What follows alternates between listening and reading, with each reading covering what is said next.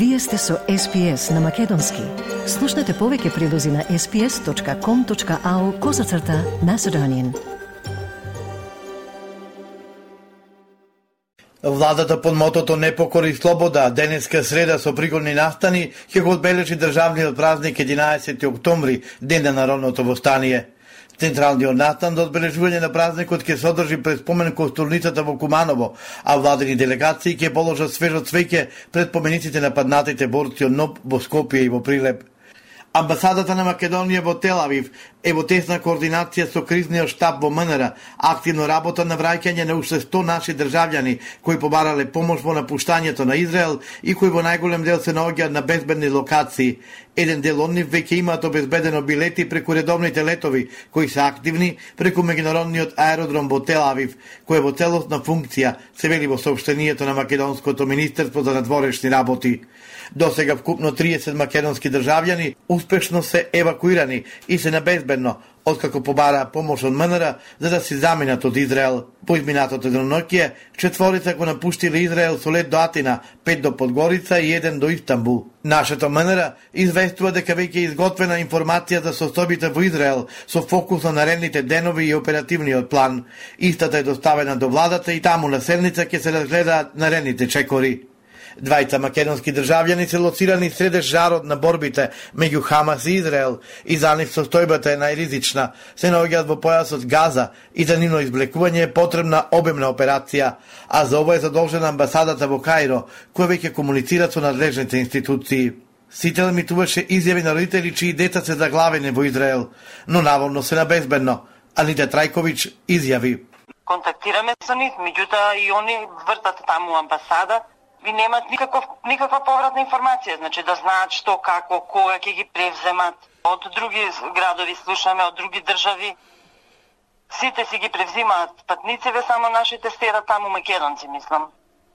Многу несериозна работа. Како може да бидат безбедни, мислам, што знам? Мислам дека треба да се превземе одговорност да се повлечат сите луѓе што се таму.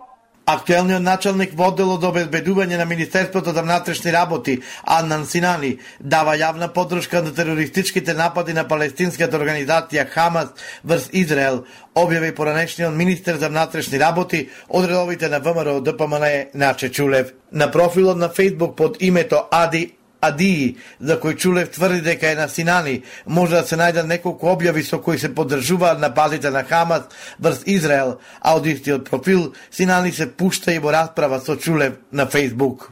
МВР потврди дека ги осудува таквите коментари и најави дисциплинска постапка против полицискиот службеник.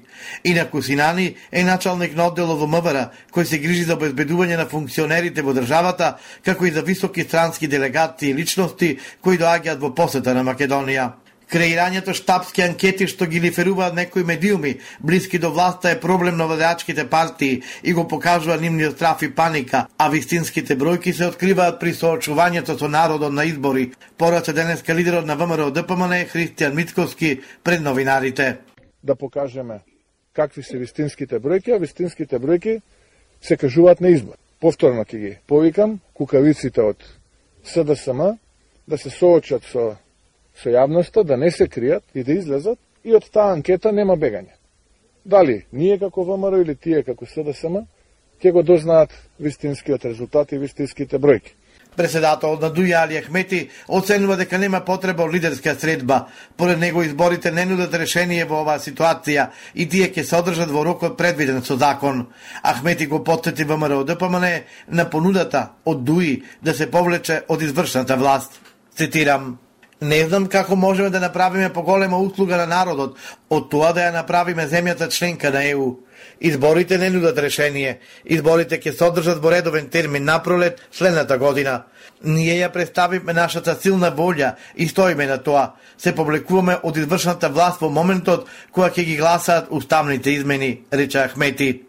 Собранието ќе има нов деловник за работа, бидејќи се очекува натрат текстот што влезе во собраниска процедура да добие поддршка од голем дел од пратениците, со оглед на тоа што е изготвен со консензус меѓу власта и опозицијата.